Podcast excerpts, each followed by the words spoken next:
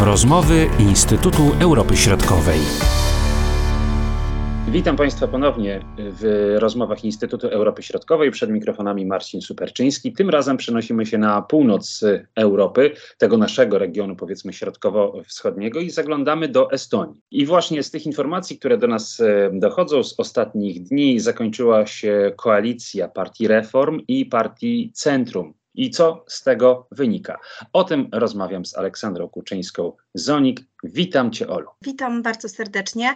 Y, po raz kolejny myślę, y, że to, co się dzieje w Estonii, pokazuje nam, że y, państwa bałtyckie czy państwa szeroko rozumianej północy nie są do końca przewidywalne, a scena polityczna nie jest tak stabilna, jak nam się wydaje. I tam też mogą się y, zdarzyć różne e, tak jak powiedziałeś, ciekawe, ciekawe rzeczy. Rzeczywiście w ostatnich dniach doszło do upadku e, koalicji, którą e, tworzyła liberalna partia Reform i socjaldemokratyczna partia Centrum. Do tego rozłamu doszło, właściwie te zgrzyty już były widoczne od kilku tygodni. Partie bowiem nie mogły się dogadać co do różnych ustaw i to wyglądało jak gdyby mm, tak obrazowo można powiedzieć przeciąganie liny, to znaczy jedna partia chciała mm, uzyskać e, większość drugiej partii w kwestii interesujących dla siebie e, ustaw. E, w połowie maja partia Centrum wyszła z wnioskiem E, ustawy, nowelizacji ustawy dotyczącej e, zasiłków dla rodzin. Chodziło tutaj o podwyższenie mm, świadczeń na, e, na dzieci z 60 do 100 euro, na co nie chciała zgodzić się większa partia, czyli partia Reform. W związku z tym partia Centrum uzyskała głosy opozycji i doszło w ostatnim dniu maja, doszło do pierwszego czytania tej ustawy.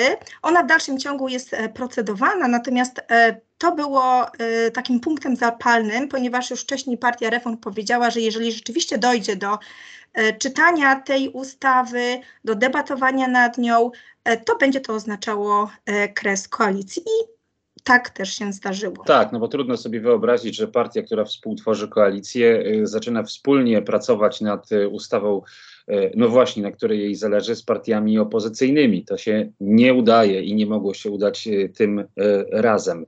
Czy to rozejście się tych dwóch ugrupowań odbywa się w sposób, byśmy powiedzieli, taki dosyć pokojowy, czy towarzyszą temu jakieś napięcia większe w różnych częściach sceny politycznej? Tak jak zwykle to bywa, partie w tym momencie oskarżają siebie nawzajem, która doprowadziła ostatecznie do upadku tej, tej koalicji, bo trzeba przyznać, że moment jest niezbyt e, ku temu, ku temu sprzyja. Mamy e, zagrożenie bezpieczeństwa, mamy trwającą wojnę na Ukrainie, mamy gwałtowne wzrosty cen, inflacja. Dla przypomnienia, Estonia boryka się z bardzo wysoką e, inflacją, największą jeśli chodzi o strefę euro, więc sytuacja jest dosyć poważna.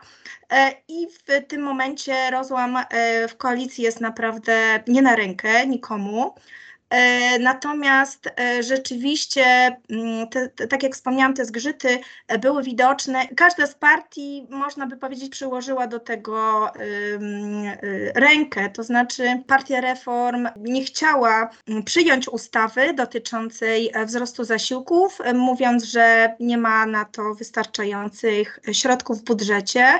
Z kolei Partia Centrum nalegała, mimo iż wskazywała, że jednak wejście w życie tej ustawy nastąpi dopiero w przyszłym roku, więc ewidentnie była to próba, no właśnie, e, taki przyciągnięcia na swoją stronę.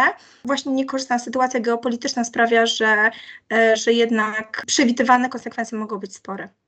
No właśnie, bo przecież tutaj mamy cały czas wojnę którą prowadzi Rosja na terytorium Ukrainy, taka destabilizacja polityczna jest naprawdę niekorzystna.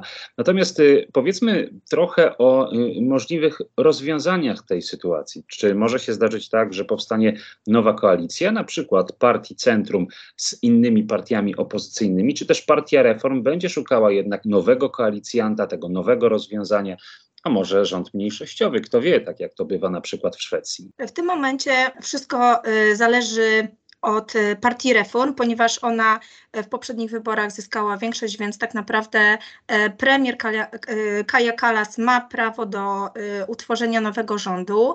Poszukuje ona w tym momencie aktywnie koalicjantów. Negocjacje zostały rozpoczęte, zaproponowano współpracę E, partii Socjaldemokratycznej oraz e, Partii Ojczyzna. W tym momencie, tak jak wspomniałam, dyskusje trwają. Myślę, że w, następ- w kolejnych dniach poznamy rezultat.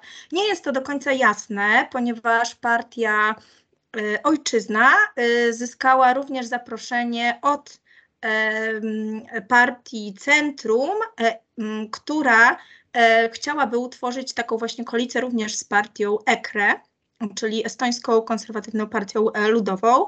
No i w związku z tym e, nie jest, nie jest do końca jasne, które dwie koalicje mogą, e, która z, tych koalicji może powstać. W tym momencie właśnie języczkiem uwagi jest partia Ojczyzna, która ma do wyboru właśnie utworzenie koalicji bądź z partią Reform, bądź z partią Centrum. I tylko dla przypomnienia powiem, że w tym, ten drugi przypadek e, miał już miejsce kilka, kilkanaście miesięcy temu, ponieważ właśnie rząd tworzony przez Jurego e, Ratasa e, łącznie z partią, ISA, czy partią ISAMA, czyli partią Ojczyzną i EKRE upadł na początku 2021 roku. Natomiast w tym momencie Juri Ratas z partii Centrum wskazuje, że, że ta koalicja działała, więc y, wszystko, wszystko może e, się zdarzyć. E, trzecią opcją, którą no, może się zdarzyć w dużo mniejszym, z dużo mniejszym prawdopodobieństwem, ale też nie, nie można zupełnie jej wykluczać, byłoby izolowanie partii reform, czyli taki rząd mniejszościowy. E, powiem, partie mogłyby, mm, wszystkie partie y, mogłyby przejść do opozycji i czekać y, po prostu na kolejne wybory, y, które, mm, które są zaplanowane na 2023 rok.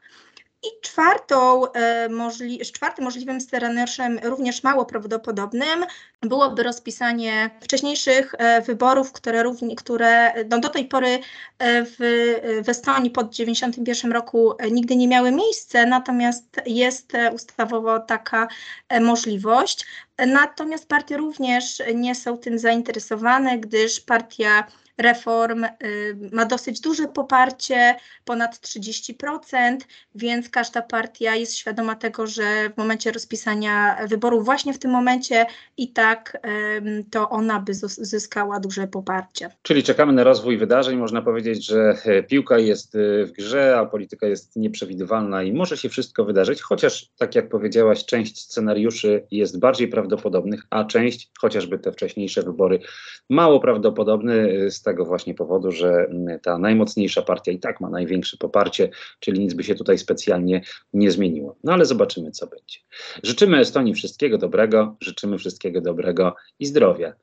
Aleksandrze Kuczyńskiej-Zonik. Wszystkiego dobrego, do usłyszenia. Dziękuję bardzo. Były to rozmowy Instytutu Europy Środkowej.